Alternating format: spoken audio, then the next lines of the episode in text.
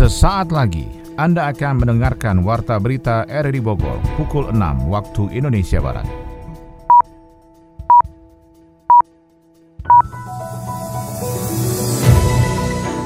Selamat pagi, salam jumpa. Kami hadir kembali dalam Warta Berita edisi hari ini, Kamis 16 Desember 2021. Informasi ini juga turut disiarkan melalui audio streaming lewat RRI Play dan juga disiarkan lewat Radio Tegak Beriman Kabupaten Bogor, Jawa Barat dan Anda bisa akses di Spotify RRI Bogor. Berita utama hari ini adalah Upaya penyelamatan lingkungan hidup dari permasalahan sampah di Kota Bogor bisa dilakukan dengan inovasi pemanfaatan teknologi yang dikonversikan menjadi sumber daya energi. Pemerintah Kota Bogor akan melakukan vaksinasi terhadap pelajar tingkat sekolah dasar berusia 6 hingga 11 tahun. Saya Maulana Snarto, inilah Warta Berita selengkapnya.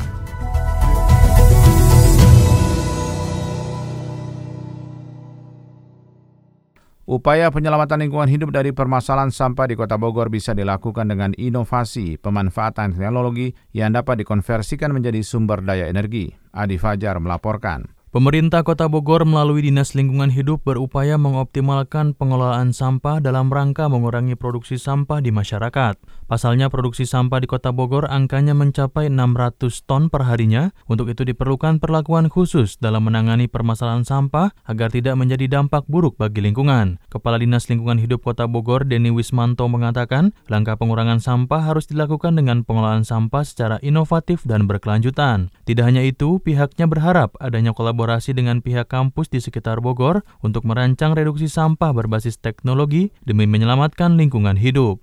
Target kita sesuai dengan kebijakan strategi nasional, maka kita ini harus bisa mengurangi pengurangan sampah itu sampai 30 persen di tahun 2025. Artinya kita punya empat tahun lagi untuk bisa mengurangi menjadi 30 persen. Kalau kita tidak ada upaya pengurangan sampah, dampaknya ini ke mana-mana. Perlu upaya-upaya lain, perlu-perlu juga masukan, dan juga mungkin tidak kreatif. Nah ini tentu tidak bisa dilakukan sendiri. Kita butuh kolaborasi. Bogor ada IPB, ada universitas lain. Nah kita berharap bahwa upaya-upaya pengurangan sampah ini betul-betul bisa optimal. Sementara itu, Kepala Balai Besar Teknologi Konversi Energi BPPT, Badan Riset Inovasi Nasional, Muhammad Mustafa Sarinanto mengungkapkan, tingginya produksi sampah di masyarakat bisa dimanfaatkan sebagai alternatif sumber daya listrik yang saat ini sudah dikembangkan termasuk di Bogor. Sampah adalah salah satu contohnya. Kemudian ketersediaan banyak sumber biomasa di Indonesia itu akan juga menjadi potensi penyediaan energi di sekitar kita, di sekeliling kita. Jadi hanya untuk kebutuhannya sendiri. Mikrohidro, biomasa, kemudian pembangkit listrik tenaga surya, pembangkit listrik tenaga bayu untuk kincir angin itu banyak yang menjadi potensi. Nah kalau sampah memang sebetulnya problemnya tidak melulu tentang bahwa sampah itu sangat potensi untuk menghasilkan listrik. Karena prinsip utamanya bukannya listriknya mungkin kalau dari efisiensinya tapi prinsip utama bagaimana menghilangkan sampah jangan menggunung dan sampah diolah supaya dia tidak mengotori lingkungan dan tidak menjadi sumber masalah baru. Sekaligus energi dia ternyata begitu pengolahannya menghasilkan energi dan energi itu bisa dipakai apakah panasnya apakah listriknya dan sebagainya. Dari sisi regulasi pemerintah terus mematangkan sejumlah peraturan payung hukum untuk sumber pembangkit energi listrik dari media sampah. Diharapkan dengan semakin banyaknya inovasi pengelolaan sampah, permasalahan sampah bisa ditekan demi penyelamatan lingkungan. Pemerintah Kota Bogor akan melakukan vaksinasi terhadap pelajar tingkat sekolah dasar berusia 6 hingga 11 tahun. Sony Agung melaporkan. Pemerintah Kota Bogor melakukan vaksinasi terhadap pelajar tingkat sekolah dasar berusia 6 hingga 11 tahun. Wali Kota Bogor Bima Arya mengungkapkan pihaknya saat ini terus berupaya meningkatkan capaian vaksinasi terutama untuk pelajar usia 6 hingga 11 tahun. Selain kepada pelajar tingkat sekolah dasar, vaksinasi kepada anak jalanan juga diberikan agar kekebalan komunal segera terbentuk. Eh, berdasarkan data ada 100.862, ditargetkan 15 Januari selesai dosis pertama dan 12 Februari akan selesai full dosis untuk dosis kedua. Akan dikoordinasikan dengan semua sekolah SD-SD bagi yang sekolah namun bagi yang tidak sekolah juga akan kita koordinasikan dengan puskesmas. Jadi puskesmas proaktif untuk mendata di lingkungan. Setelah ini saya akan bergeser ke Kampung Mongol di Ciluar ya. Untuk anak jalanan tidak sekolah di sana ini juga kita jadikan atensi di sana. Dan kami melihat sistem kita sudah siap ya karena sudah berjalan eh, sistem yang kemarin ini ya tinggal eh, sekarang targetnya lebih kepada pendataan untuk SD dan yang tidak sekolah tadi. Itu dan vaksinnya masih sama Sinovac dosisnya juga sama 0,5 mili Hingga saat ini Pemkot Bogor terus melakukan pengawasan terhadap pembelajaran tatap muka yang berlangsung di sekolah dasar dan sekolah menengah pertama serta tingkat sekolah menengah atas. Handuk mana nih handuk? Wih, lagi gambar apa Jo? Biasa bre, iseng. Coba lihat. Widih, keren keren, cakep. Eh, apaan sih? Bungkus permen doang kali. Sini, coba lihat. Bre, bre, lu mau ngapain bre? Kok dicoret-coret sih? Elah, dikit doang kali. Dikit juga coretan kali bre. Aduh, iseng banget sih lu. Ibu kos ngamuk deh nih. Lah itu, kecil juga sampah kali. Ye, bawel, malah nyolot. Yaudah, nih, nitip, buangin sekalian. Eh, uh, semprol. Buruan bre, gantian mandinya.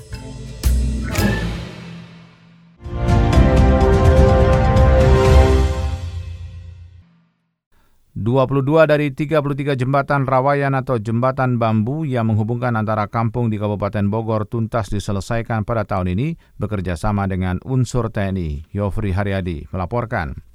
Sebanyak 22 dari 33 jembatan rawayan atau jembatan bambu yang menghubungkan antar kampung di Kabupaten Bogor tuntas diselesaikan pada tahun ini bekerja sama dengan unsur TNI. Bahkan tidak hanya jembatan, melalui program karya bakti TNI itu pun prajurit TNI juga membantu warga dengan mendirikan kamar mandi umum atau MCK. Dan Rem 0621 Surya Kencana, Brigjen TNI Ahmad Fauzi menjelaskan ada 22 jembatan rawayan di 17 kecamatan di Kabupaten Bogor yang telah selesai dibangun. Di antaranya di Kelurahan Sukahati, Kecamatan Cibinong, dan di Kecamatan Ranca Bungur dengan panjang jembatan antara 40 meter hingga yang terpanjang 160 meter. Pembangunan jembatan rawayan adalah membantu usaha masyarakat sekitarnya dalam rangka melaksanakan aktivitas, terutama menghubungkan dua wilayah atau dua kampung dan kalau di sini adalah menghubungkan malah dua kecamatan. Jadi melalui itu kita melaksanakan pembangunan uh, jembatan raya ini melalui program karya bakti yang kita laksanakan, di mana kita bekerjasama antara Korem 01 Surya Kencana, Kodim 0621 dan pemerintahan Kabupaten Bogor. Dan bahwa ada 20 jembatan tersebar di 20 desa dan 17 kecamatan. Sebelumnya pada 2020 lalu ada enam jembatan gantung yang dibangun oleh prajurit TNI dan jika ditotal dengan tahun ini ada 39 jembatan gantung permanen yang mampu menopang 30 orang dengan bergantian dan dilintasi sepeda motor. Program ini pun sangat antusias diterima oleh warga karena memperlancar mobilitas mereka dan arus barang dan jasa menopang perekonomian warga. Seperti diungkapkan warga desa Kedung Waringin, Kecamatan Bojonggede, Bogor mudah-mudahan bisa meningkat kemajuan perekonomian dan mobilitas e, masyarakat pun dengan jembatan tersebut dilewatnya dengan nyaman. Nah, untuk warga di sini, anak sekolah aktivitasnya memang lewat sini. Nah, terus warga juga yang pada usahanya yang kerajinan tangan seperti bambu atau apa lewatnya lewat sini. Terus juga jujur dari masyarakat sekitar tetangga sebelah Kampung Kedung Jiwa, Desa Kedung Waringin, Kecamatan Bojonggede, banyak juga yang pada lewat sini. Dari 31 jembatan tersebut, 11 jembatan dibangun oleh Divisi 1 Kostra TNI, kemudian 22 jembatan gantung oleh satuan di bawah Korem 061 Surya Kencana dan Kodim 0621, jembatan dengan konsep konstruksi tali baja dan besi diperkirakan dapat bertahan lebih dari 10 tahun, berbeda dengan jembatan rawayan yang terbuat dari bambu tanpa proses penghitungan teknis rancang bangun yang mapan. Anda tengah mendengarkan Warta Berita RRI Bogor. Polres Sukabumi berhasil mengamankan empat pelaku peredaran narkotika dengan barang bukti belasan gram ganja dan juga puluhan gram sabu-sabu. Adi Fajar melaporkan. Satuan Reserse Narkoba Polres Sukabumi berhasil mengungkap empat kasus tindak pidana peredaran narkotika yang terjadi di wilayah hukum Kabupaten Sukabumi. Kapolres Sukabumi AKBP Dedi Darmawan menjelaskan, dalam pengungkapan kasus narkotika itu pihaknya mengamankan empat tersangka dengan barang bukti belasan gram ganja dan puluhan gram sabu serta telepon genggam. Dedi mengatakan tersangka yang berhasil ditangkap berinisial AA, ED, HS, dan AH. Mereka ditangkap dalam operasi Antik Lodaya 2021 yang digelar Polres Sukabumi. Pengungkapan kasus narkoba, sabu dan ganja yang mana saat ini dan sudah selesai operasi anti lodaya 2021 kita bisa ungkap empat kasus ya. Dua kasus yang masuk dalam target operasi dan dua kasus non target yang mana dari empat kasus itu ada empat tersangka yang dua tersangka untuk yang masuk dalam TO yang pertama itu jenis ganja sebanyak 16,79 gram dan yang TO keduanya itu sabu seberat 0,65 gram Sedangkan yang non TO-nya adalah semuanya sabu-sabu. Yang pertama itu beratnya 20 gram dan yang satunya 7,32 gram. Modus para tersangka di dalam melakukan peredaran narkotika jenis daun ganja kering dan sabu-sabu dengan cara ditempel di tempat-tempat tertentu. Sementara pasal yang diterapkan kepada para tersangka tindak pidana narkotika yaitu pasal 114, 111, 112 Undang-Undang Nomor 35 Tahun 2009 tentang narkotika dengan ancaman hukuman 4 tahun dan maksimal penjara seumur hidup. Jajaran Komando Distrik Militer 0621 Kabupaten Bogor melaksanakan ziarah di Taman Makam Pahlawan Pondok Rajek Cibinong dalam rangka peringatan Hari Juang Kartika TNI Angkatan Darat. Kegiatan diawali dengan upacara pasukan yang terdiri dari kelompok perwira menengah dan barisan kelompok perwira menengah atas, PAMA, serta barisan kelompok PNS. Komandan Kodim Dandim 0621 Kabupaten Bogor Letkol Infantri Sukur Hermanto mengatakan kegiatan sebagai bentuk apresiasi dan mengingat kembali terbentuknya TNI Angkatan Darat serta mendoakan para pahlawan yang telah memperjuangkan dan mempertahankan kemerdekaan Indonesia. Ini kita memperingati Hari Juang Kartika atau hari ke-76, Hari Juang Kartika yang ke-76, khususnya kita memperingati sejarah perjuangan terbentuknya Angkatan Darat. Kemudian seluruh satuan jajaran yang ada di Kabupaten Bogor saya kira hadir ada Kodim, Kopassus, Kostrat Divisi 1, Batalion Batalion termasuk satu satuan badan pelaksana yang ada di uh, wilayah Kabupaten atau acara peringatan ya. Dilanjutkan dengan tabur bunga. Kegiatan ditutup dengan pembacaan doa dan tabur bunga di komplek pemakaman tersebut. Seusai kegiatan itu, dan Dim 0621 mengajak seluruh prajurit TNI di bawahnya bersama-sama menjaga keutuhan dan kondisivitas di wilayah teritorial Kabupaten Bogor. Dari dunia ekonomi, harga minyak mentah dunia kembali merosot pada perdagangan selasa lalu, waktu Amerika Serikat. Pemerintah mempercepat pemulihan ekonomi yang terdampak pandemi COVID-19, salah satunya adalah dengan upaya memberdayakan desa-desa dan membangun desa kreatif di sejumlah daerah. Adi Fajar melaporkan. Harga minyak mentah dunia kembali merosot pada perdagangan Selasa lalu waktu Amerika Serikat. Harga minyak jatuh usai Badan Energi Internasional memproyeksikan varian Omicron COVID-19 akan menghambat pemulihan permintaan global. Harga minyak mentah Brent untuk pengiriman Februari tergelincir 69 sen atau 0,9 persen menjadi 73,7 US dollar per barelnya. Sementara minyak mentah West Texas Intermediate untuk pengiriman Januari turun 56 sen atau 0,8 persen menjadi 70,73 US dollar per barel di New York Exchange. Data harga produsen Amerika Serikat menunjukkan kenaikan di level tertinggi 11 tahun terakhir memperkuat ekspektasi pasar akan pengurangan stimulus yang lebih cepat oleh The Federal Reserve yang bertemu minggu ini. Keadaan tersebut mendukung penguatan dolar Amerika Serikat dan membebani harga minyak mengingat keduanya bergerak terbalik. Dolar Amerika Serikat bertahan di dekat level tertinggi dalam satu minggu terakhir terhadap sejumlah mata uang utama lainnya. Sementara WHO mengatakan varian Omicron menyebar pada tingkat yang belum pernah terjadi sebelumnya dan akan menekan harga minyak. Pemerintah di berbagai belahan dunia termasuk Inggris dan Norwegia baru-baru ini memperketat pembatasan untuk menghentikan penyebaran varian Omicron.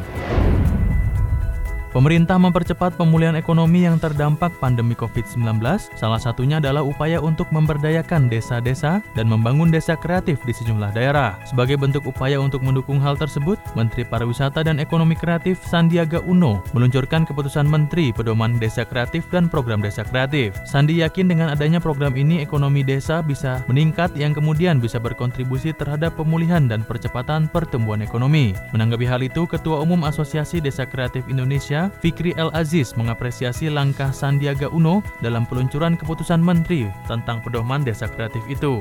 Dikatakannya program desa kreatif yang diinisiasi bersama Asosiasi Desa Kreatif Indonesia, Kemenpar Ekraf, dan Kemendes adalah gerak bersama dalam meningkatkan ekonomi khususnya bagi masyarakat desa. Dalam Kepmen yang ditandatangani mantan Wakil Gubernur DKI Jakarta itu, desa kreatif memiliki definisi sebuah kawasan yang terletak di wilayah administratif desa atau kelurahan yang masyarakatnya telah mengembangkan produk unggulan. Melalui satu atau lebih dari 17 subsektor ekonomi kreatif yang memberikan nilai tambah dan manfaat bagi pertumbuhan ekonomi desa dan kelurahan. Berdasarkan level pengembangannya, desa kreatif dibagi menjadi empat kategori, yaitu inisiatif, produktif, inovatif, dan berkelanjutan.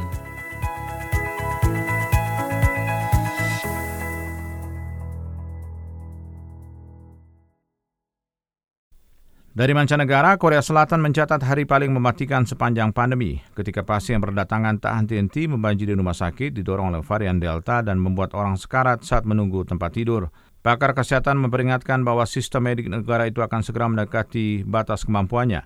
Kasus kematian juga dapat memburuk jika pemerintah terus lamban dan ragu-ragu dalam memperketat jarak sosial. Badan Pengendalian dan Pencegahan Penyakit Korea Selatan mengatakan 94 pasien virus COVID-19 meninggal dalam 24 jam terakhir, sementara 906 orang kini dalam kondisi serius atau kritis, jumlah tertinggi sepanjang pandemi. COVID-19 Korea Selatan pada Selasa melaporkan infeksi baru tertinggi dengan 5.567, padahal penghitungan harian biasanya lebih kecil pada awal minggu karena lebih sedikit tes pada akhir pekan. Saya Pendeta Darwin Darmawan, anggota FKUB Kota Bogor. Mari bersama RRI Radio Tanggap Bencana COVID-19 kita bersama-sama memutus penularan virus corona dengan diam di rumah, menjaga kesehatan, dan tetap optimis. Dari dunia olahraga, Manchester City memetik kemenangan telak 7-0 kala menjamu Leeds United dalam matchday ke-17 Liga Inggris 2021-2022. Pengurus Golf Indonesia PGI Kabupaten Bogor berencana menambah tiga atlet pada Porprov Jabar 2022 mendatang. Ermelinda melaporkan.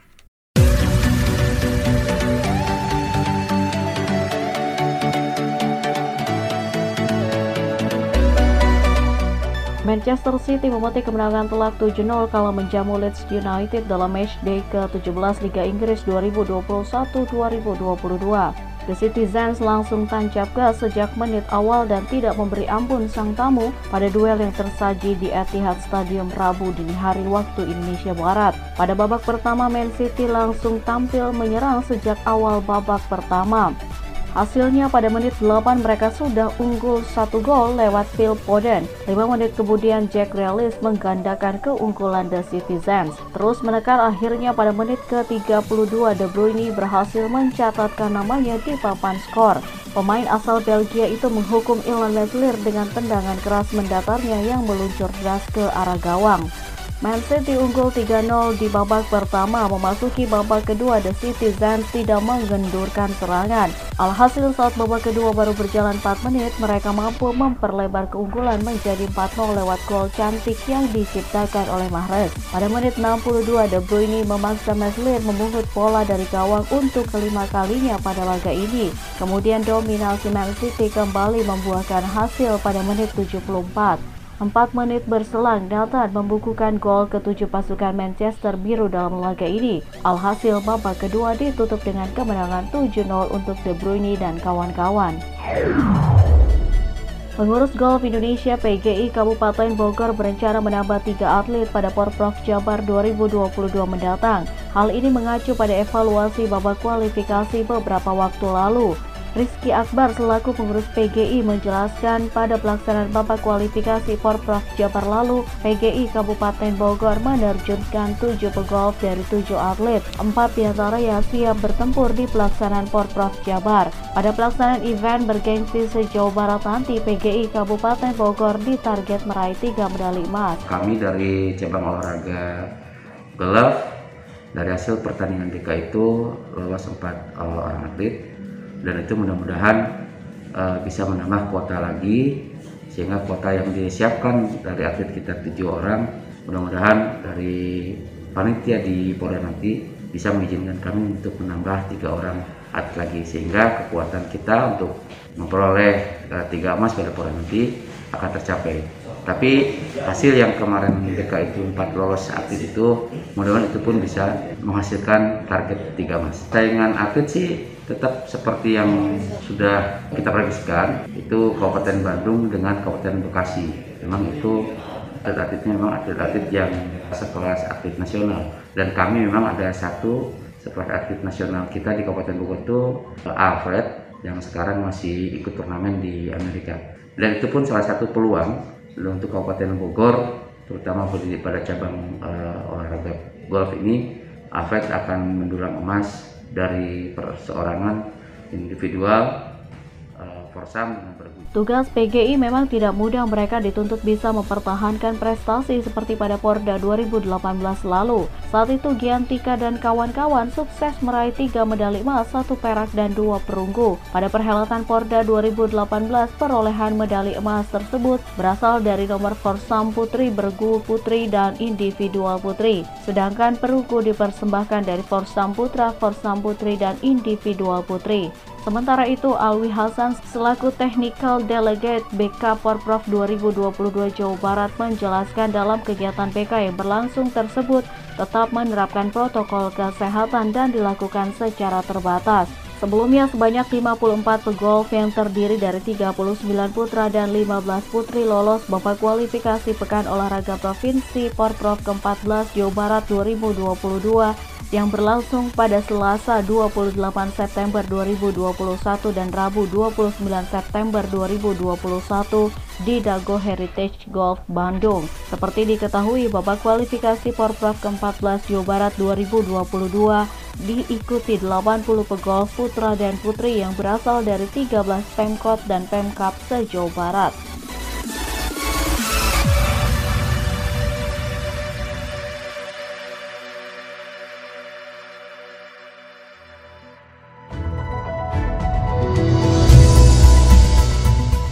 Demikian rangkaian informasi dalam Warta Berita di edisi hari ini. Sebelum berpisah kami sampaikan berita utama. Upaya penyelamatan lingkungan hidup dari permasalahan sampah di Kota Bogor bisa dilakukan dengan inovasi pemanfaatan teknologi yang dikonversikan menjadi sumber daya energi. Pemerintah Kota Bogor akan melakukan vaksinasi terhadap pelajar tingkat sekolah dasar berusia 6 hingga 11 tahun. Saya Maulana Isnarto, mewakili kerabat kerja yang bertugas hari ini terima kasih atas perhatian Anda. Selamat pagi, sampai jumpa.